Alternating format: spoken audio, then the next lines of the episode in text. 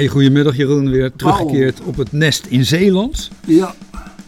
Mooi. Uh, vandaag uh, hakketak uh, dik in de 50. We schieten lekker op met een aantal. hey, toen jij daar in Zeeland arriveerde, vond je toen ook een brief van de gemeente op jouw mat met de aanslag voor de WOZ? Ehm, die is er, denk ik wel. Ik heb hem nog niet gezien. het is al een paar jaar nou, ongeveer hetzelfde. Dus eh, het is niet iets waar wij ons geroepen voelen om um, bezwaar aan tegen te maken. Maar het is aan de andere kant bij, voor andere mensen natuurlijk wel een plaag en een hele opgave. Nou, bij mij is die uh, verdubbeld joh, in drie ja, jaar tijd. moet je nagaan joh. Maar tegelijkertijd hè, met die brieven kreeg ik vier verschillende folders toegestuurd. Ja. Van WOZ meldpunt, WOZ online, WOZ raadslieden, wozwet.nl. En die folders die beweren dat je tot honderden euro's kunt besparen met een gratis, gratis WOZ waardecheck.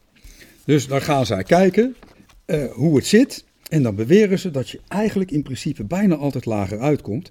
En dat blijkt een behoorlijk verdienmodel te zijn. Want zij zeggen dan, wij dienen namens u gratis een bezwaarschrift in. Bij een succesvol bezwaar, dan vergoedt de gemeente onze kosten. Maar mocht het bezwaarschrift worden afgewezen, dan is dat ons risico.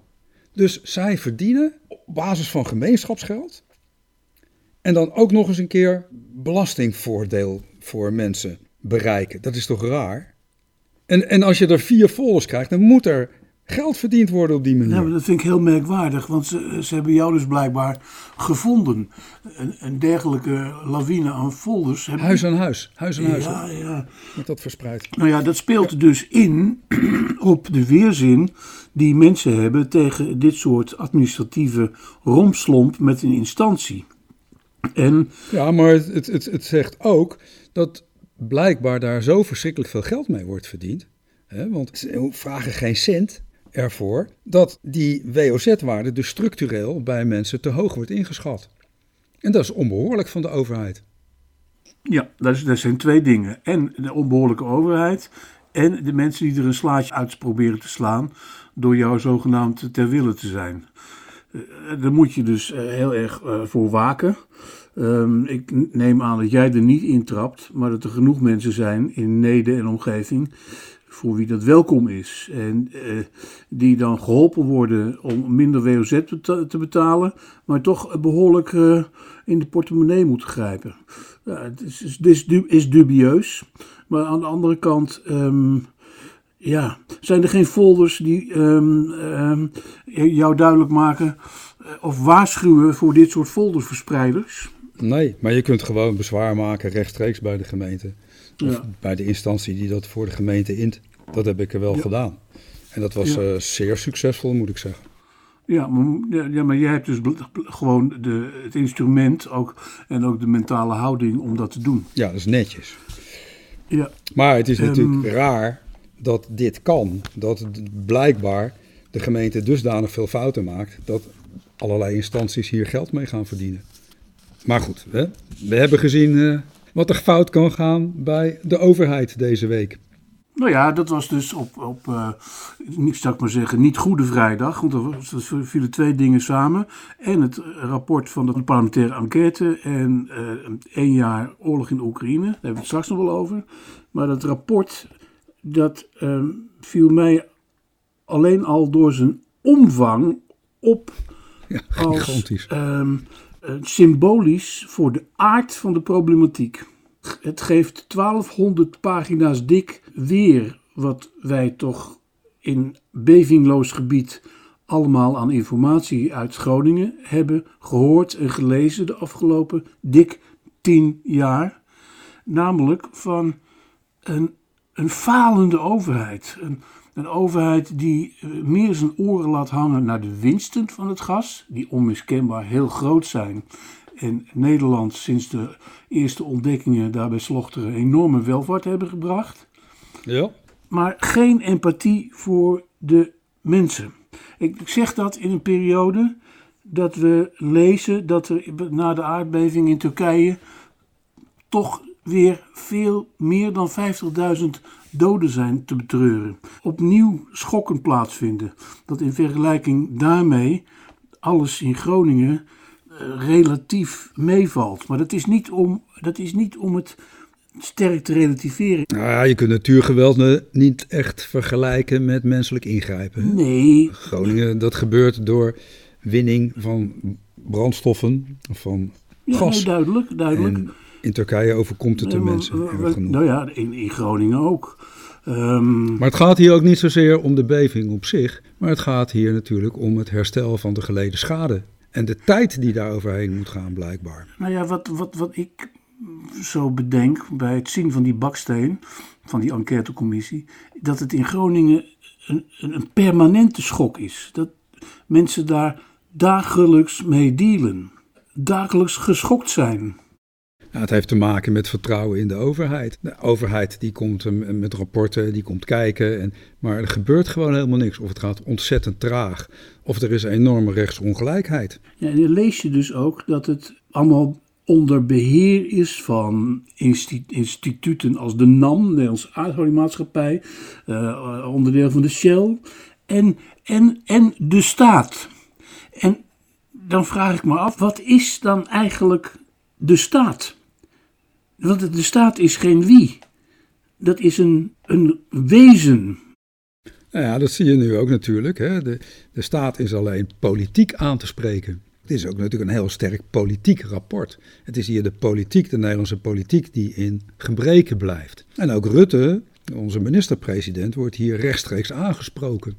En zijn commentaar is dan ja, dat hij er alles aan gaat doen om het vertrouwen te herstellen. Nou, dat is de zoveelste keer. Dat heb ik al eerder gehoord, hè? Ja. Naar mijn gevoel uh, is, het, uh, is zijn tijd ook echt voorbij. Ja, de, de, de staat was er ook in zaken de aardgaswinning voor het aantreden van Rutte. En de staat zal ook blijven na Rutte. Um, het is duidelijk dat uh, onze Mark zijn houdbaarheidsdatum wel heeft uh, gepasseerd. Maar wat dan blijft, dat is, dat is mijn punt, is de staat. Vroeger had je het over vadertje staat. ja. Na, ja, ja. Uh, in, in, de zin van, in de zin van een instituut dat zorgt voor zijn bewoners. En ik vraag mij dus danig af. Rutte zal wel op zeker moment vertrekken hoewel hij opnieuw nu laat blijken hoe behendig hij is door gewoon weer tijd te winnen. En er komt een reactie. Maar een echte goede reactie heb ik nog niet gehoord. Nou ja, dat krijg je ook als je een uh, rapport van 1200 mm. bladzijden aanbiedt. Hè. Dat moet dan mm. eerst gelezen worden en daar kan elke politicus zich achter verschuilen. Ja, maar wat je bij die staat heel vaak ziet, is dat er dan zogenaamd een afweging wordt gemaakt. waarbij het grotere belang het kleinere belang overstijgt. Dus het institutionele belang overstijgt het privébelang. En dat is hier natuurlijk ook gebeurd. En aan de andere kant kun je dan bedenken, waarom hebben ze daar niet gewoon een, ja, een behoorlijk bedrag tegenover gesteld om die mensen zo snel mogelijk te compenseren, om die huizen eh, schokvrij te maken, om de schade te herstellen. Dat had natuurlijk moeten gebeuren. En die mensen zijn natuurlijk wat dat betreft gewoon in de steek gelaten. Dat die belangenafweging wordt gemaakt, ja, dat is politiek. Daar kan ik me dan nog iets bij voorstellen. Al moet je dat uiterst zorgvuldig en goed communiceren en daarbij heel sterk rekening houden met die mindere belangen. Het grotere belang mag doorslaggevend zijn, maar het kleinere belang kan natuurlijk nooit worden weggegooid, uh, onder het tapijt geschoven. En dat laatste is natuurlijk wel een beetje gebeurd. Een beetje, behoorlijk gebeurd. Nou ja, dan komen ze aan met, met ook zo'n typische marketing of zo'n typische spin-slogan hè, over de drie M's.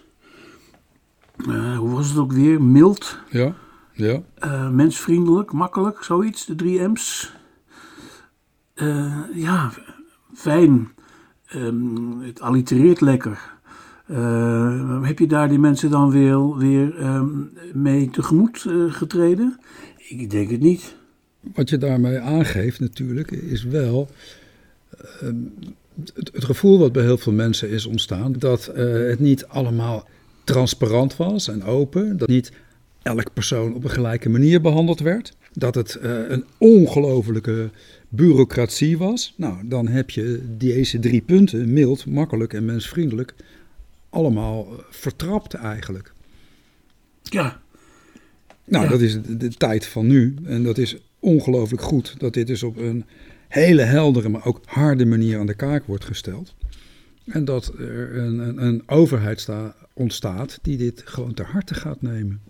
Ja, ehm, dat het eh, in Den Haag wel degelijk begrepen is, ehm, herinner ik mij bijvoorbeeld aan de opstelling van de interim-minister, die ook een tijdje heeft gefungeerd. Uh, Zo'n typische boodschappenjongen van de VVD, Kamp. Kamp. Ja. Um, maar ook een man met een ongekende politieke glibberigheid. die wel degelijk in de smiezen had hoe hoog de nood was bij het aanschouwen van uh, woningen in houten ske skeletten mm -hmm. of in, in houten um, constructies. Maar toch ook samen met NAM voortdurend zijn oren liet hangen naar de winsten. En, en daar hadden wij met z'n allen ook het rapport van vrijdag niet zo uh, nadrukkelijk voor nodig. Omdat we het natuurlijk ook wel in de smiezen hadden. En, en daarom zeg ik opnieuw. Uh, bewindspersonen komen en gaan. Maar zo'n staat blijft bestaan. En als het politiek is, eh, denk ik dat eh, met dit rapport bij, bij de hand de staat zou kunnen trekken voor beleid van bewindslieden die wij nu nog niet kennen. Toch? Nou ja, eh, Rutte gaat er alles aan doen om het vertrouwen te herstellen. Dus hij zal wel ergens mee moeten komen. Hij lijkt niet voornemens af te treden. Maar we weten dat nooit. Dat zou nog wel eens kunnen. Hebben we het eerder gezien. We vergeten bijna dat hij ook is afgetreden bij Rutte 3. Toen kwamen er meteen wel verkiezingen en toen werd hij weer Rutte 4. Maar hij is eerder afgetreden natuurlijk. Over de kindertoeslagaffaire. Precies, na een ellenlange formatie, waarvan ik dan deze week ook las bij terugkeer uit, uit de verre Canarische eilanden dat een commissie heeft bepaald dat er een deadline zou moeten komen om dergelijke formaties eh, toch beperkt te houden. Hoe, hoe, wat vind jij daarvan met, met alle democratische zorgen die ik van je ken? Nou, ik vind dat de koning dat moet doen. Dat, uh, ik vind, dat, daar, hebben, daar hebben we dan een staatshoofd voor. Dat was zijn enige rol die hij had, die, die uh, van betekenis was. Nou, ik vind dat de koning dat moet doen. Die moet het bewaken, die moet het aanjagen. Dat, uh, dat is mijn visie op het geheel. Dat weet ik wel. Het is fout gegaan toen hij eruit stapte. Toen werd het hele proces ook verpolitiekt. En natuurlijk is het een politieke uitkomst en is de coalitie politiek. Maar dat proces dat moet wat zuiverder, dat moet wat helderder, dat moet wat duidelijker, dat moet wat gereglementeerder.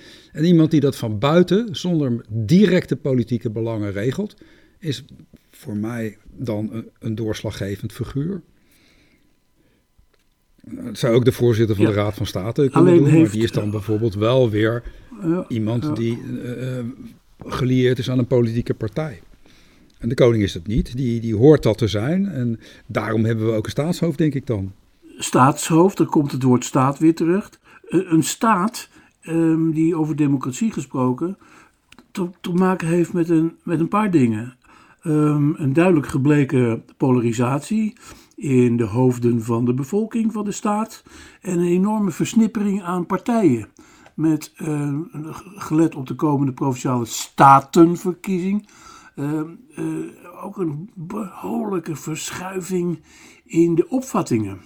Um, er, zal weer het nodige, er zal het nodige weer gezegd worden over stikstof bijvoorbeeld, waar provinciale gedeputeerden uh, zich uh, tegen hun partijgenoten in Den Haag keren als het gaat over behartiging van de stikstofbelangen.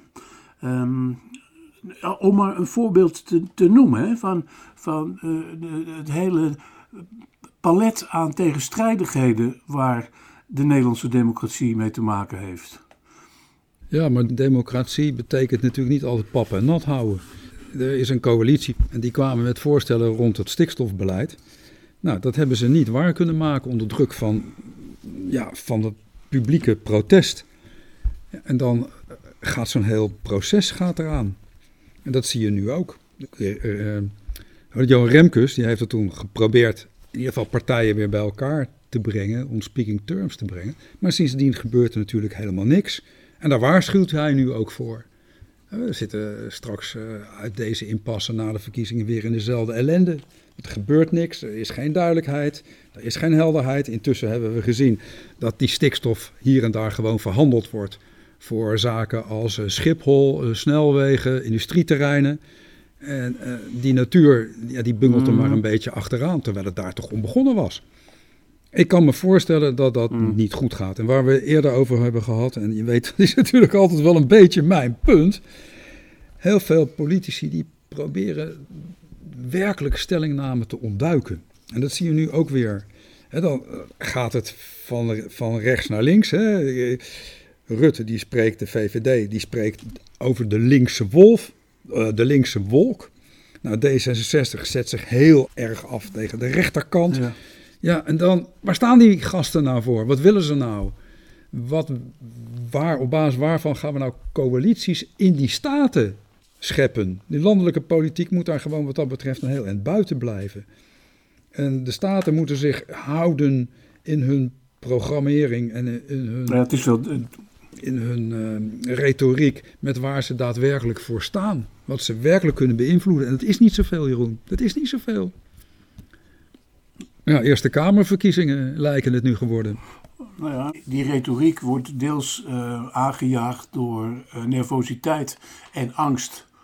En angst over zetelverlies, machtsverhoudingen, waarbij ze graag hun oren laten hangen naar de boeren en de burgers.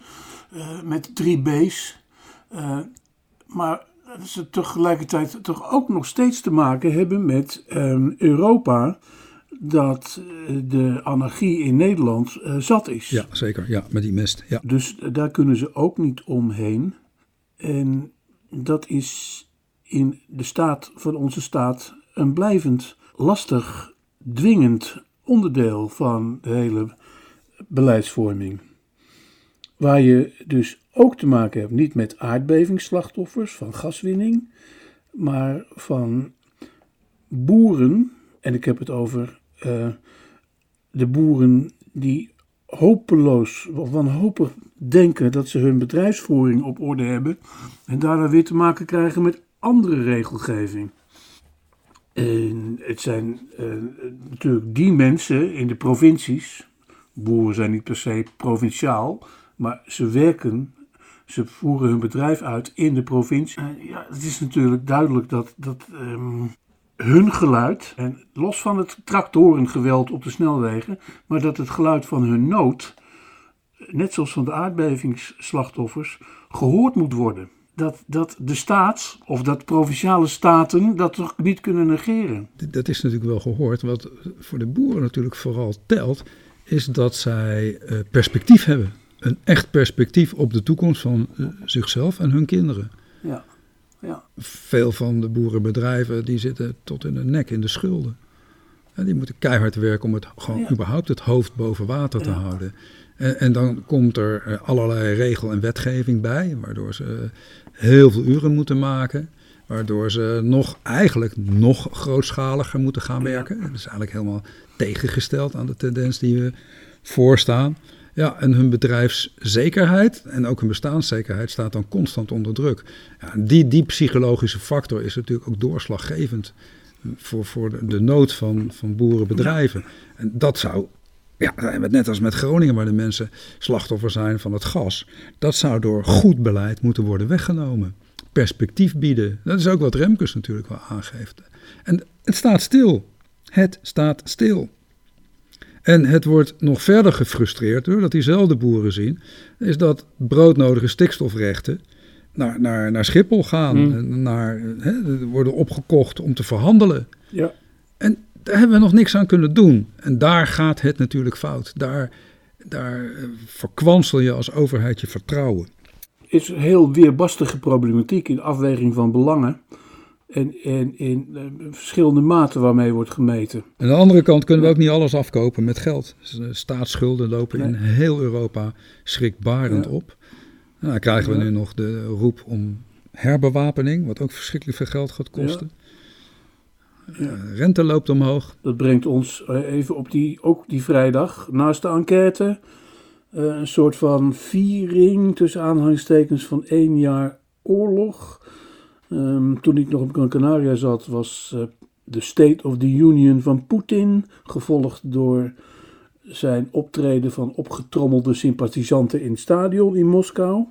Ehm, jij volgt dat nauwkeuriger dan menig kijker en lezer in Nederland, die alleen op de mainstream media afgaan. Uh, wat is nu jouw beeld, één jaar later? Voor mij is het echt verschrikkelijk overdreven. Je kon geen radio aanzetten, geen krant inkijken, je kon geen, geen uh, televisie aanzetten of het ging over één jaar oorlog. Het is een jaar oorlog en het gaat van dag tot dag. En uh, het is een verschrikkelijke oorlog. Het is een oorlog waar heel veel uh, leed is. Waar kinderen getraumatiseerd zijn, waar uh, vrouwen hun man, hun, hun, hun vriend verliezen, waar kinderen hun vaders verliezen, waar ontzettend veel mensen sneuvelen, waar mensen worden mishandeld, waar vrouwen worden verkracht. Het is een verschrikkelijke ja, maar oorlog, wat is jouw, wat... waar jonge kinderen massaal sterven. En dat is elke dag. En het, voor mijn gevoel kun je in een jaar, over een jaar een keertje voorzichtig even terugkijken, eens even herinneren aan hoe verschrikkelijk het is. Maar het gaat verder. Het gaat elke dag verder. en er is nog geen enkel uitzicht op hoe dit moet gaan nou, aflopen. Daar, daar, daar, mis ik dus iets en daarom vraag ik je ernaar. Want in Nederland krijg je dan wel uh, een dappere mevrouw Ollongren... die duidelijk in de uh, ernstige houding is gespind door haar ambtenaren... en dat ook goed speelt. Um, beelden van uh, hoge militairen met een borst vol insignes... die vertellen over de trainingen die ze Oekraïners geven in, in Engeland... Nou ja, dat zie je dus wel. Hè? Het wordt dat, echt een Europese oorlog. Zeker, ja, maar dat is zichtbaar. Het is een Europese oorlog, is het al. Um, alleen was ik verbaasd over de, het gebrek van de kracht van het voorspelde of nieuwe offensief. Of mis ik iets? Um, is er iets wat, we, wat gewoon um, bij het doorgaan van de strijd het nieuws niet meer haalt? Omdat het uh, meer van hetzelfde is. Oh, die, ik heb Wat gebeurt er? Eh, die, die reden van Poetin, die kun je integraal wel vinden. Uh, ook op Russische websites. Een VPN aanschaffen, dat kun je het allemaal lezen. Je hebt tegenwoordig, Google heeft geweldige vertaalmachine. Dat maakt dan wel een beetje reclame. Die andere, die Edge van Microsoft zal het ook wel hebben. Maar goed, je kunt dat gewoon lezen. En wat mij ontzettend sterk opviel, ten eerste ging het heel erg over economie. Waarbij Poetin eigenlijk zijn bevolking zei: joh, die sancties, dat maakt niet zo heel veel uit. Het gaat beter dan ooit in de landbouw, onder andere. En ook de verkoop van gas blijft op peil. Eh, het gaat gewoon goed. Maak je wat dat betreft geen zorgen. Maar we zijn in oorlog. En, hij zei, en dat doen wij, en dat is misschien wel het belangrijkste nieuws, stap voor stap. Stap voor stap, beetje bij beetje. En wat ik heb gedaan na een jaar oorlog, nog eens heel even naar die kaart gekeken. In het begin keek ik er elke dag wel even naar en dan kon je zien hoe die strijd verliep. En als je nu kijkt naar die kaart, dan zie je dat er de afgelopen maanden niet zo heel veel is gebeurd in deze wintertijd. Maar als je dan beseft dat Rusland toch al meer dan 20% in handen heeft. Dus er is gewoon een heel groot gebied van Oekraïne inmiddels door Rusland veroverd. En dat is best indrukwekkend en dat vergeten we vaak.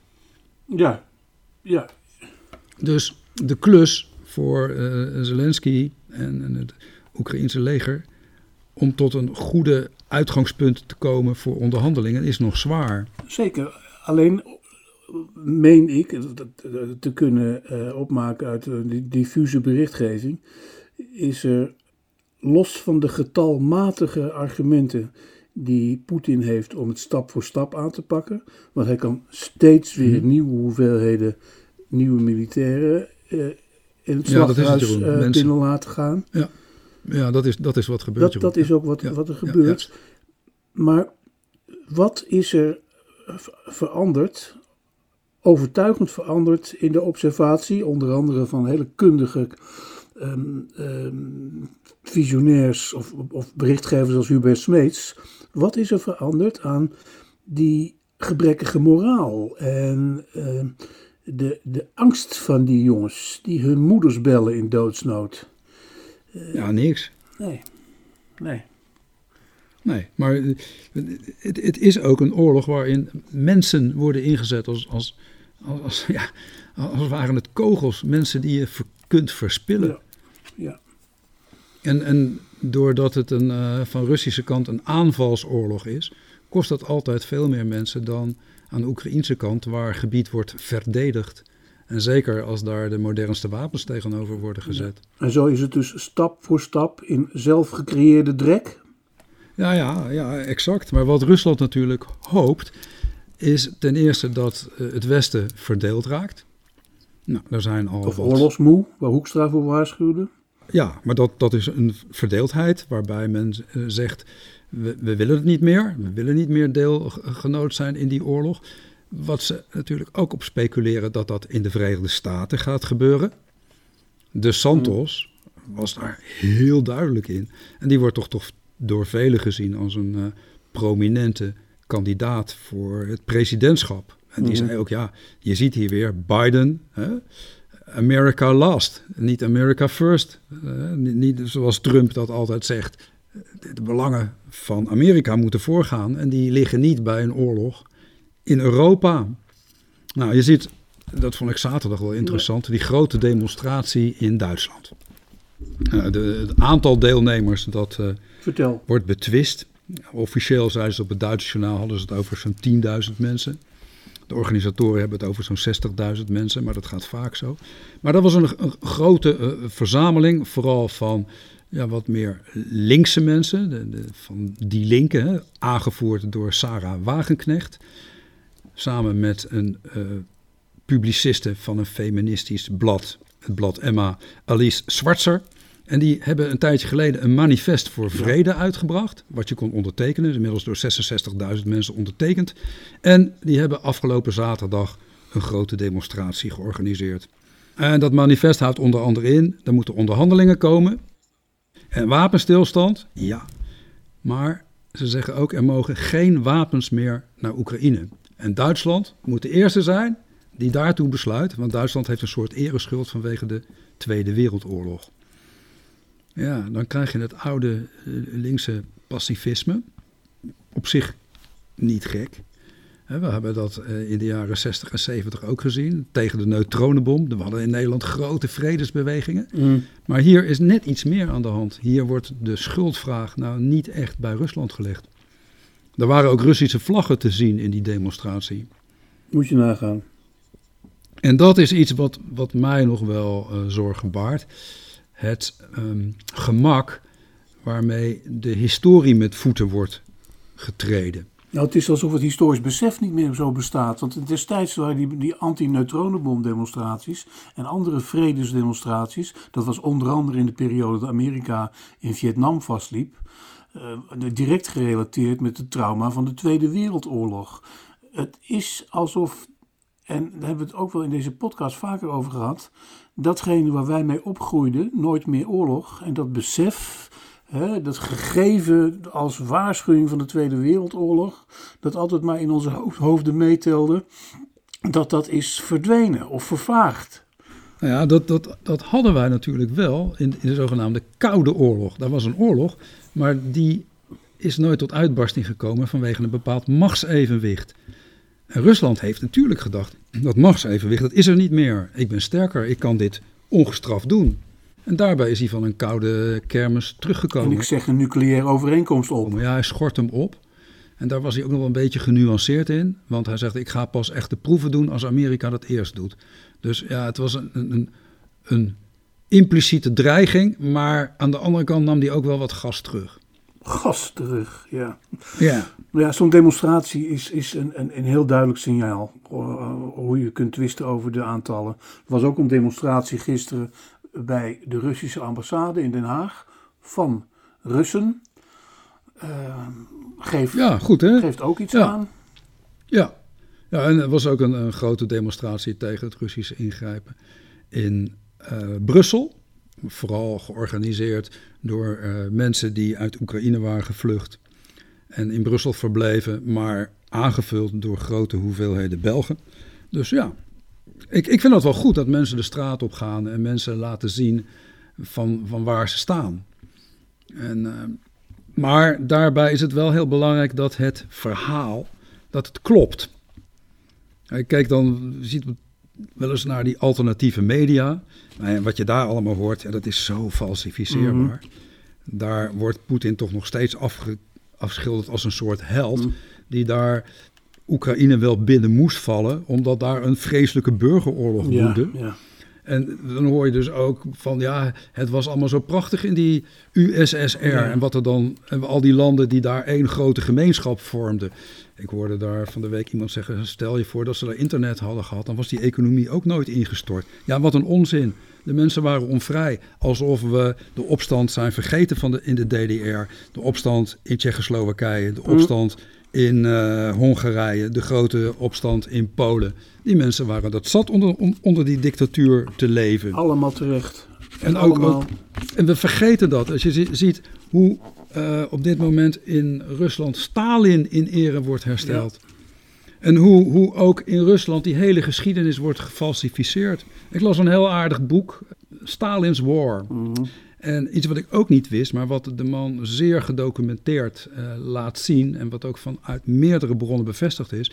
is dat de Sovjet-Unie, dat Stalin de oorlog tegen de nazi's vooral ook heeft kunnen winnen, doordat ze op het laatst sterk bevoorraad zijn, wat wapens betreft, maar ook wat brandstoffen betreft, door de Verenigde Staten, via Alaska. Er was constant overleg. Mhm. En die geallieerden die waren uh, zeer nauw met elkaar verbonden. Die wilden die, die oorlog van Duitsland zo snel mogelijk beëindigen. En daar heeft de Verenigde Staten Rusland gewoon geholpen. Ja. Ja, nou, goed en was daar niet de kwade, de kwade genius? En dat, al dat soort historische gegevens, die moeten we ons wel beseffen.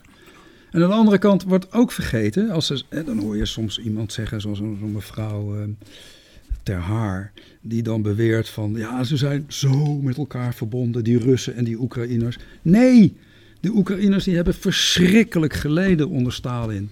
Een, een, een hongersnood in 19 de 30 jaar. 30. Ja, die is verschrikkelijk geweest. En daar, eh, dat was verschrikkelijk. En iedere Oekraïner heeft wel ergens in de familie een overgrootmoeder of die, die, daar, die daarbij betrokken was. Die daar hm. heeft verschrikkelijk heeft geleden. En daarna de grote volksverplaatsingen door Stalin. Mensen die uit de Oekraïne werden gehaald om als slaven te werken. Eh, het graven van een kanaal in het Verre Oosten waar nooit meer iets mee gedaan is. Dat is niet zo makkelijk allemaal. Dus er was helemaal niet één verbonden volk. Dat is pure geschiedsvervalsing. Iemand als Thierry Baudet, die doet daar heel vrolijk aan mee. Die man die schijnt zo belezen te zijn. Ik zou zeggen, lees eens een goed boek, beste Thierry. En verdiep je er eens in. En besef eens wat het is om onder een dictatuur te leven. Ja, het is goed om dit soort uh, waarheden uh, te herhalen in een podcast als deze. Om, gewoon de feiten uh, te poneren zoals ze zijn, los van alle desinformatie. en wat die demonstraties betreft, hè, waar je straks ook over begon, is het eigenlijk wachten op een grote opstand in Rusland zelf. Maar dat is een vergeefse hoop, toch? Ja, ik zie dat niet zo heel gauw gebeuren. De Europese Unie komt nu weer met een extra sanctiepakket. Ehm, als die economie eronder leidt. Maar ja, je ziet intussen tijd hè, de allianties die Rusland sluit met uh, Iran. Turkije speelt een rol. Hè, ik zeg het heel voorzichtig. Want ook daar ontstaat steeds meer dictatuur. Met uh, China, China, speelt mee. Korea in Latijns-Amerika, in Afrika, Syrië, uh, India, die massaal olie importeert. Mm Vleierijen met Saoedi-Arabië. Jongen, we zijn er nog lang niet uit. We, we, overschatten de macht van het, van het Westen, geopolitieke macht op dit moment. Mhm. Nou, China is natuurlijk heel interessant in dit verband. Ik lees nog steeds niets definitiefs over eventuele wapenleveranties. Maar China en dat is toch een heel ander verhaal, is nog steeds bezig met die nieuwe zuidenroute, die toch ongeveer zo ter hoogte of onder Oekraïne en dwars door Turkije gaat, langs gaat. Ja, ja. Dus China heeft het grootste belang bij om die route ook veilig te stellen en veilig te houden. Ja, maar die route is natuurlijk ook gericht op eh, West-Europa. Ja, Scholz is al in China geweest om goede afspraken te maken en handelsakkoorden weer te sluiten. En eh, dat is denk ik wat China ook op dit moment natuurlijk wel beseft. Als wij een beetje dreigen, dan, ja, dan houden we ook Europa als handelspartner. Dat is natuurlijk voor China ontzettend belangrijk. Want stel je voor dat die economie, want Europa is natuurlijk een enorme afzetmarkt, als die daar in China gaat instorten, dan krijgen ze daar ook binnenlands politieke problemen. Precies. Het is ook een over- dictatuur en die dictatuur moet het hebben van steun van die bevolking. En die bevolking steunt zolang het economisch goed gaat. Ja. Nou, voor China is het op dat punt in pacifistische zin, economische zin, ook een, denk ik een stap voor stap beleid. En we zullen de komende tijd wel zien hoe dat uit, uitmondt. En nog één ding, Paul, over opstand gesproken. Eh, we hoeven niet meer bang te zijn dat in eh, de boeken van Roald Dahl het woord dik wordt geschrapt. Hè? dus dus Nee, die opstand nee, heeft nee, geholpen. Het is 50 jaar geleden dat Turks Fruit, Ja, eh, hè, de best bekeken film ooit in Nederland. Ik zou het leuk vinden als hij vanavond dus op de televisie werd uitgezonden. Maar aan de andere kant denk ik dat veel boeken die in die tijd zijn geschreven, als de door mij zo verachte sensitivity readers, er met een rood pennetje, pure censuur, doorheen gaan, dan worden het hele dunne boekjes. ja, dan kan de geheime opening van Reven ook niet meer. Nee. hoe, zou je dat, hoe zou je dat dan moeten omschrijven, Jeroen? Zullen we daar dan maar mee Ja. sluiten? Ja, nou, het, het is zorgelijk. Eh, het is, eh, ik- aan de ene kant ja. is het hartstikke goed dat we kritisch zijn en dat we kritisch kijken naar het verleden.